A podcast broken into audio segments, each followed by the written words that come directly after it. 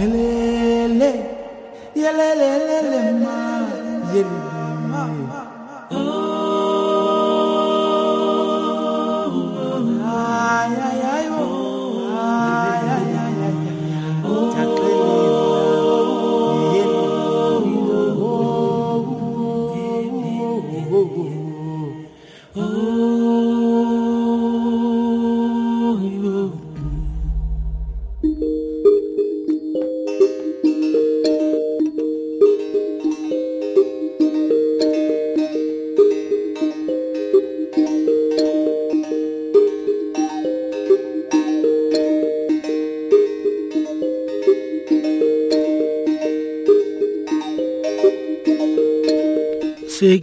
E leng sa direga ka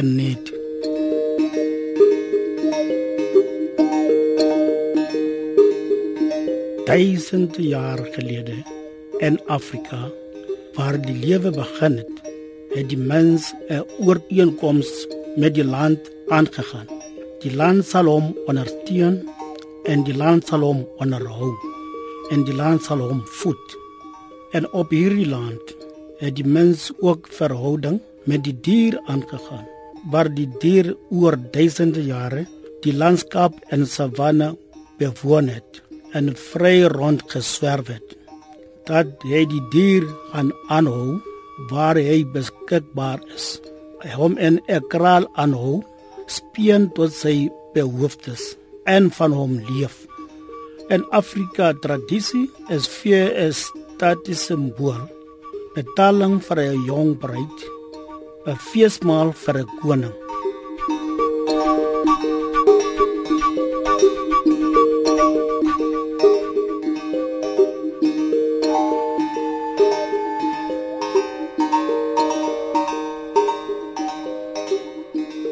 En hierdie verhouding het gelei na een van die grootste nywerhede in Suid-Afrika en dis om te voorsien in Suid-Afrikaners se onversadigbare behoefte aan vleis. Noodloos om te sê is daar ook 'n aantal vegetariërs en aktiviste wat gekant is teen die slag van diere vir menslike gebruik. Maar so is daar aan die ander kant ook aktiviste wat veg vir die menslike behandeling van slagdiere soos professor Mari Temple Grandin van die Colorado State Universiteit in die VSA. Professor Grandin het 'n erge vorm van outisme en is ook 'n wêreldleier op die gebied van navorsing en aktivisme vir mense wat leef met outisme. Maar sy het diskriminasie teen haar oorkom en deur navorsing 'n wêreldleier geword op die gebied van dierewetenskappe spesifiek in die voerkraal en slagpale bedryf. Dr. Temple Grandin is an inspirational leader who has revolutionized the field of animal science and whose extraordinary insight, understanding, and advocacy have benefited both animals and humans. A professor of animal science at Colorado State University, she focuses on animal welfare, neurology, and philosophy with accomplishments and achievements of extraordinary scope and impact. Her designs for livestock handling facilities are used worldwide. Her writings on the flight zone and other principles of grazing animal behavior have helped reduce stress on food animals during handling. Her inventions include a hug machine designed to calm people who are hypersensitive. She is also the best selling author of seven books and has been widely published in the academic press. She has won numerous awards and been interviewed for news stories countless times. Most recently, her life was the subject of the HBO film Temple Grandin, which won five Emmy Awards. Sy het voorware indrukwekkende curriculum vitae, maar waarom is die naam Temple Grandin so belangrik in 'n program soos die een? Kom ons kyk na ons daaglikse lewe. 'n Kliënt stap by 'n slaghuis in en koop vleis soos benodig. Onwetend, 'n massiewe bedryf daar agter sorg dat die vleis elke dag aan hom gelewer word. 'n Bedryf wat deur wetgewing gereguleer word, maar wat ook sorg dat kwaliteit gelewer word. Die bedryf verskans ook die bleek gedeelte en dis waar diere geslag word. Professor Grandin glo dat diere 'n kwaliteit lewe verdien. Voerkrale en abattoirs wêreldwyd word gebaseer op die ontwerp en werking soos deur haar voorgestel. Maar haar sleutelwoorde bly kwaliteit lewe vir diere. Well, of all the animals, uh, cattle probably has uh, got the best life. I mean, the cows and the bulls have always been free range out there. Calves are free range for at least half their life before they go into a feedlot. Uh, when I first started in the industry in the 70s, handling of cattle was absolutely atrocious. I talk about this in my book, um, Animals Make Us Human. I've worked hard for the last 35 years to improve cattle handling, and it's, and it's definitely um, gotten better you know, some of the animals that have the most problems are some of the intensively raised animals, especially egg layer chickens. That's an area where there's problems that still need to be corrected. In the late 90s, I worked with McDonald's and Wendy's on auditing slaughter plants and with a numerical scoring system where I count how many cattle vocalized and mooed, fell around their heads off. Yeah, they're stressed, that's for sure. You know, that's resulted in some improvements. Well, one of the things is still, you know, getting people to just to handle animals right. Um, so you've got two kinds of issues in animal welfare. You've got things that are just out and out abusive, and most problems you have with cattle handling that would get into the abusive category. And then you've got questions about well how we should house them. You know, okay, chickens in cages versus chickens not in cages. And uh, the other big concern I have, one of my biggest concerns, is genetically what we're doing to animals. We've been breeding animals, and this includes dogs too. Dog people don't get out of this. Breed dogs with stupid appearance traits. You breed um, food-producing animals just to grow, grow, grow, grow, grow, milk, milk, milk, milk, milk, and you start to get all these lameness problems. Uh, their longevity problems. They don't live very long. Uh, more susceptible to disease. Um, I'm very, very concerned about these sort of things. Well, there's been exposés of really bad things, like that horrible Westland Hallmark place where they were torturing dairy cows with a forklift, uh, people beating pigs up with gate rods. Yeah, you expose those kind of abuses. Yeah, that needs to be cleaned up.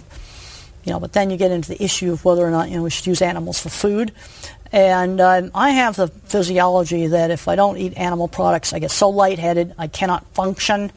Um, I can't eat soy products because it's going to. I've got Meniere's disease, which is autoimmune. It flares that up, makes that a whole lot worse. Um, but we've got to treat animals right. We've got to give that those animals a a decent life. Met dit as 'n gegeewe vir slagdiere, kyk ons na Suid-Afrika. Hoe word vleis aan die publiek gelewer? Rudy van der Westhuizen is die uitvoerende direkteur van Samic of die Suid-Afrikaanse Vleisindustrie Maatskappy. Die boer is eintlik die die verbruiker se grootste vriend. Boer produseer kalvers wat vinnig groei en en dan uiteindelik dan beland daai kalf se vleis uh, uh, by wyse van beesvleis op die verbruiker se tafel. En dit gebeur soos volg: die boer verkoop sy kalvers uh, of aan 'n voerkraal eienaar uh, of via 'n veiling of via agent. Min of meer daai drie is die verkoopsmetode dan word hierdie kalf normaalweg verder gevoer tot op afrondingsvlak.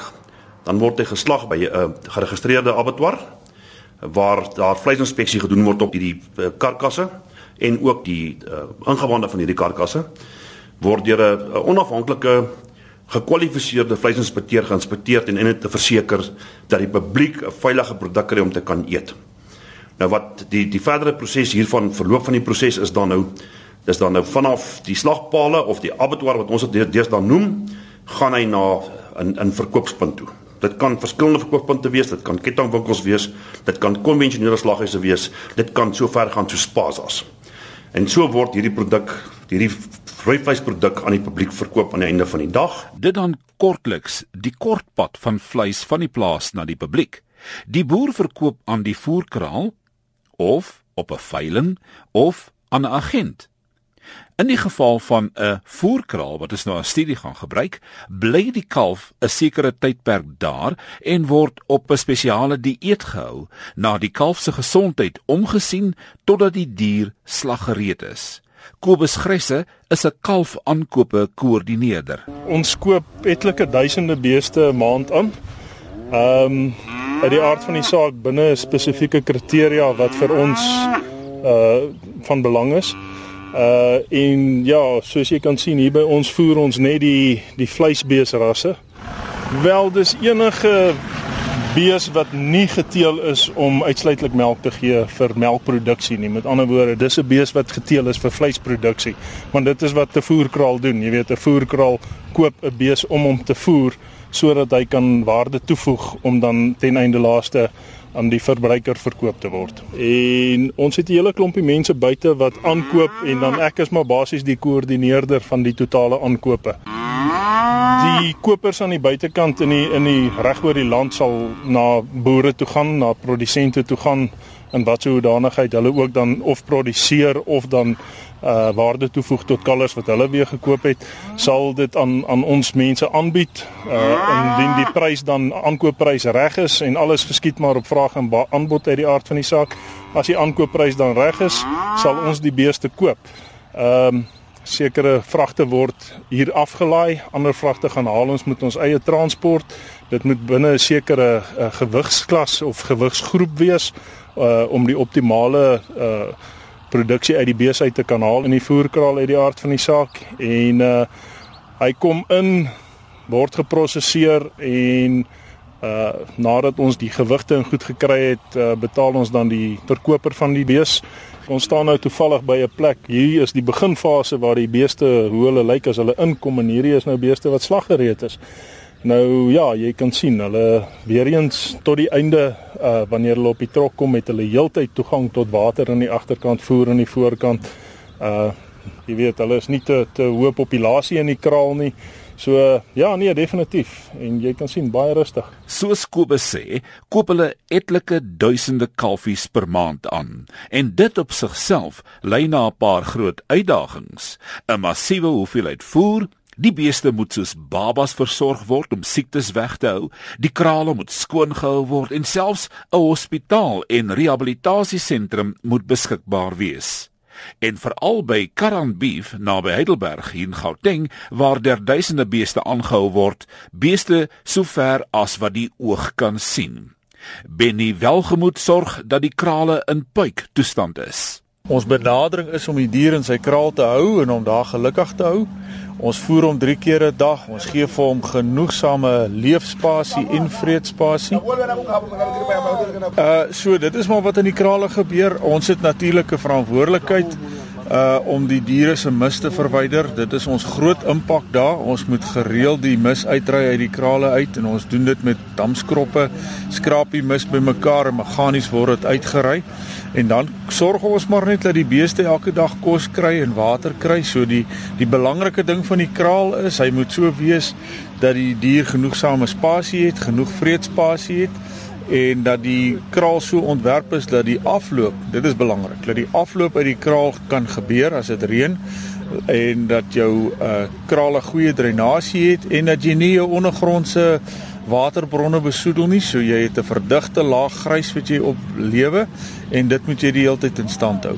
Veral as dit reën, moet die water wat nou met die mis meng, die modderwater moet uitvloei uit die kraal uit. Dit moenie damme vorm nie en jou kraal moet ook skoon wees want as daar te veel mis in is en dit word nat dan word dit een groot modderbad. So jy moet 'n kombinasie van dreinasie en skoonmaak van die krale is belangrik. Die landbou gebruik baie van ons mis. Dit gaan of vir kunsmis of die boere gebruik dit direk op hulle lande uh en iets wat op die horison vir ons is is om ook uh, bio-energie daarvan te genereer in in in sogenaamde uh, bio uh, verteerstelsels. Ons uh, benader dat jy ten minste geslagte wil skei, jy wil nie manlik en vroulik de mekaar in 'n kraal sit nie en dat jy daarom groot is by mekaar wil hê. So wat ons doen is hierso heel aan die begin by by die prosesseringsgedeelte split ons die diere basies in geslag en in massa groepe ons praat van prosesering of induksie of wat ook al. Dis 'n baie belangrike proses in die voerkraal. Dis waar alles begin. Dis waar ons die dier vir die eerste keer ontvang en hom hanteer. En daar's by ons basies drie belangrike funksies daar. Dis die dier se identifikasie. Hy word geïdentifiseer. Hy word geweeg om sy wegspring gewig te bepaal. En dan die derde faktor is net die die inenting en die behandelingsprogram wat gevolg word om hierdie dier dan in staat te stel om die voerkraalproses te kan hanteer. Om so 'n plek dus te bestuur, kan dinge maklik verkeerd loop tensy jy natuurlik 'n stewige hand oor die organisasie hou. En veral om by wetgewing te hou, is seker een van die belangrikste aspekte. Daar is bepaalde riglyne neergelê deur wetgewing dat as jy uh, as jy meer as 3000 beeste in 'n jaar wil voer, Ek glo dit is die getal dan het jy 'n volledige omgewingsimpakstudie nodig wat voorgelê moet word aan die departement want dit gaan baie wyer as net die ligging van jou kraal en die omvang. Dit gaan oor die impak op jou omgewing as ook jou water. Water is een van die groot bronne vir 'n voerkraal wat absoluut noodsaaklik is. Jy weet ons werk gemiddeld hier in die somer op maklik tussen 30 en 40 liter bees per dag. So jy kan nou dink hoeveel liter water jy nodig vir 'n ou kraaltjie wat sê maar 10000 beeste dra. En daarvoor het jy het jy water nodig en ook die impak van daai omgewing. En dit moet alles deur so 'n proses gaan van evaluering, impak en watse planne gaan jy maak met al jou stowwe wat jy nodig het as jy enigstens aan jou aan jou ontwerp verander nadat jy jou omgewingsimpakstudie gedoen het, dan moet jy dit weer voorlê en dit moet weer genotuleer word wat jy verander en wat is jou impak nou. Waterkwaliteit is vir ons baie belangrik. Ons is veral afhanklik van industrie en mense om ons. Ons gebruik op hierdie stadium oppervlakwater vir ons beeste. Ons toets self die kwaliteit van daai water elke maand en ons is ook aktief betrokke by die forum wat in ons area geld vir oppervlakwatergebruik. So ons is deel van 'n groot span wat na hierdie kwaliteit die heeltyd kyk. Nou as ek vir Benny reg gehoor het, praat ons van 10000 plus beeste op 'n keer. En hoeveel vreet 10000 beeste op 'n dag? Dis 'n voltydse werk vir Kryk Wilson. Ons maak seker dat ons formuleer 'n rantsoen wat al die diere se behoeftes nakom en baie keer ehm um, die mense wat uh eet eet nie so goed soos wat ons beeste eet. Elke dag moet die rou materiale inkom en elke dag moet ons seker maak dat ons glad nie uit enige produk uithardloop. Dis net nie 'n opsie nie wat ons voer moet inkom elke dag. Ons het verskillende aanpassings rantsoene vir die dier soos 'n baba, hy moet aangepas word aan die voer en ons doen dit presies dieselfde vir die vir die beeste ook. As hulle nie gewoond is aan die rantsoen gaan hulle spysverterings kry en ons moet seker maak dat dit nie gebeur nie. Dat hulle gemaklik voel in die voerkraal dat hulle lekker eet dat hulle gesond eet. Die voer word reg oor die land um ingebring. Meeste van die produkte word hier in die Gauteng en in die area vir ons um beskikbaar gestel, maar daar's goed wat reg oor die land inkom. Die diere kry baie vitamiene, minerale wat ons ook as 'n premix uh, verskaf en enige medikasie wat in die voer ingaan is net op aanbeveling van ons um veeartsie so op die voerkraal. Ons hardloop met so 20 voertrekkers en ons doen so 200 uh vragte 'n dag met daai trekkers. Om hierdie beeste gevoer te hou, um moet ons seker maak dat hulle op die regte tyd van die dag, 3 keer 'n dag op die regte tyd uh hulle kos kry. Ons kan nie net voer enige tyd nie. 'n Bees is maar it's a habitual animal. So ons moet seker maak hulle word op dieselfde tyd van die dag gevoer. Ons wil hulle so min as moontlik versteur uh daar buite in die krale. Ons moet seker maak dat elke produk presies op dieselfde mate ingeweeg word in die voerkar in om seker te maak dat die diere wat gevoer word met daai voerkar presies die regte nutriënte kry.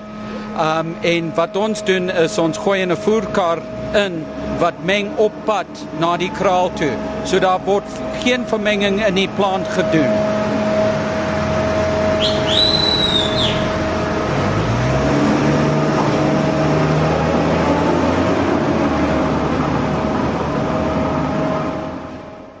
En dan sekerlik een van die mees kritieke aspekte van so baie vee op een plek is gesondheid. Dr Dirk Verwoerd dra die verantwoordelikheid. Ons het 'n hele reeks van voorkomende programme sowel as terapeutiese programme. Die voorkomende programme eh, is van toepassing op alle inkomende beeste, maar dit hang af waar hulle vandaan kom. Ons het 'n taamlike sterk risikoprofiel benadering En dit is maar tipies van enige voerkraal, maak nie saak waar hy is in die land nie. Hy gaan beeste uit 'n sekere area uitkoop en dan met tyd leer hy dat hulle geneig is om een of ander siekte te kry meer as ander of in 'n spesifieke seisoen, soos die somer waar daar meer eh, bosluis siektes en so aan is, gaan mens fokus daarop. So daar is verskillende programme om hierdie goed te ondervang en dan nou voorkomend te behandel. Maar deur die uh, voedingsperiode self is daar natuurlik ook 'n paar diere wat siek word. En dit wissel in die in die winter is dit hoofsaaklik uh, longontstekings en respiratoriese siektes. In die somer het ons 'n groot verskeidenheid van ander goed wat 'n rol speel. So mense het ook ander programme wat dan nou uh, in werking is in die hospitale uh, waar jy 'n sekere protokol volg. Uh, daar word 'n middel gespuit, die diere word sê maar 5 of 6 of 7 dae later geherëvalueer. Uh, as hulle goed gedoen het, kry hulle iets anders. As hulle nie so goed gereageer het nie, kry hulle nou weer 'n groter kanon en op hierdie wyse probeer ons hulle so gou as moontlik weer terugbring tot produksie. Prosesering is maar 'n term in die voerkraalbedryf ehm uh, wat 'n hele klompie bene het waarop hy staan. Die eerste is identifikasie. Uh en die tweede is dan uh entings, 'n verskeidenheid van entings, gewoonlik respiratoriese siektes en ook 'n paar ander. Uh dan in sekere tye van die jaar kry hulle ook 'n antibiotika, metafilaktiese antibiotika. Hulle word behandel teen parasiete, beide interne parasiete sowel as ekstern. Uh, ons voer hulle 'n baie duur en goed gebalanseerde rantsoen en jy wil elke moontlike stukkie groei uh, wil jy ontsluit. En dis natuurlik die rol van uh, wat wat hierdie uh, ek kan amper sê dit is soos die dirigent van 'n orkes. En dan kom die dag. Na ongeveer 120 dae op die voerkraal kom daar 'n vragmotor wat die beeste kom oplaai vir die abattoir. Ons sluit nou aan by Willem Meton en sy span. Ek is basies verantwoordelik vir al die nuwe beeste wat ek inbring en hierdie seksie waar ons nou staan is waar die vetbeeste gelei word na die abattoir tot in Belfort. OK, basies wat gebeur is die beeste kom na my afdeling toe van die groot afdelings, né? Ehm um, ek besluit basies van watter beeste wat reg geslag is en dan bring ek hulle hiernatoe. In die proses as ons nou besluit ons gaan hierdie kraal lei, ek het twee stelle mense. Die een helfte is uh, vir mense agter wat vir my 'n klein hoeveelheid beeste sal inbring wat ek dan in die sekere hoeveelheid soos 'n hok, ek laai 12 in 'n hok, wat dan vir my 12 beeste sal uitbring en dan een in die kompartement hier sal sit. Wat hulle dan van hierdie kompartement af in die hok nou ingaan. So stadig as moontlik, rustig as moontlik vir so min as moontlik stres. En Willem bevestig net weer die volgende. Dis die laaste proses, die laaste stap, die laaste toer. Nou gaan ons vir 'n rukkie deur die slagpale stap. Die hele proses gebaseer weer eens op die stelsel ontwerp deur professor Temple Grandin, wat beteken dat die diere aan so min as moontlik stres onderwerp word. Slagpale soos die een moet voldoen aan die ISO 14001 standaarde van omgewingsbestuur. Elias Machube is aan die woord. Ons gaan begin by die veil area. Dit is die kraal. En ons gaan binnekant by die slagvloer. Daar by die kraal is daar wat ons kry die beeste. Ons aflei die beeste. Ons train ons mense dat uh, hulle mag nie die beeste hardloop of maak gras of harass hulle. Ons het die skoon area en die veil area. Hierdie is die veil area want ons het die byproduct al die vleis wat nie reg om te eet nie, soos die bene en die vleis, ons kook dit daarso, ons mal hom, ons maak die karkasmeel. Dan daai vet wat ons kry daar, ons noem hom die talo, ons verkoop hom by die mense wat die seep maak. En die bloed wat kom daar by die slagvloer, ook ons kook hom, ons mal hom, ons maak die bladmeel. Dan ons verkoop hom by die mense wat die honde kos maak. Al die vel wat er wat kom by die verskillende areas Hulle kom hier so ons vat daai stukkie vleis en vets eet en die bloed voor ons gaan stuur hulle by die municipality. Want ons het geïmplementeer die ISO 14001. Dit vir die omgewing. Kyk na die lig, die grond, die water en die gemeenskap. So ons maak nie baie veel water stuur by die municipality.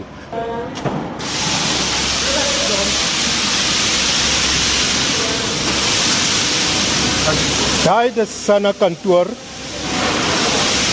Sana the South African National Halal Authority. Die mense wat ons slag, die keel slag, dis die moslim. So hulle bid daarso voor hulle begin te werk in tea time en lunch time. Maar daar binnekant, elke bees wat hulle slag, hulle bid ook by Allah van hulle. Hierdie krale en daai cattle race en daai shoot is designed by Professor Temple Granding, says the psychologist from the Bieste and uh, Colorado State University. They say that a ek kan nie mooi sien nie voor 360 vision van 'n bies kan sien kante agtertoe. So ons hulle as 'n groep van 10 sodat hulle kan sien aan mekaar. Maar as hulle gaan by daai shoot, hulle gaan een een. So daai eerste bees, jy kan sien dat daar nog 'n ander bees wat my volg. En daai shoot het draai so, so daai eerste een, ek dink dat hy kom terug vir die groep. So it's calm, hy gaan nie stres wees.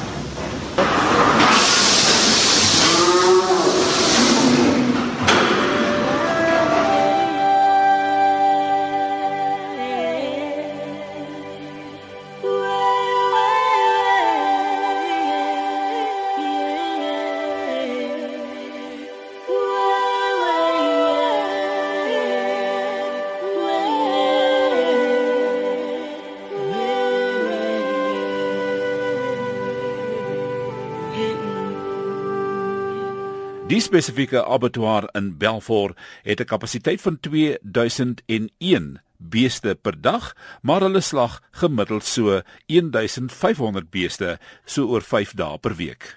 Die volledige proses van slagting neem so tussen 30 en 40 minute, waar tydens elke klein gedeelte van die bees verwyder word, verpak word, opgesaag word, inspeksie en gradering word gedoen. Sommige karkasse word gestuur vir bevriesing en vervoer, die velle en bene vir verwerking gestuur.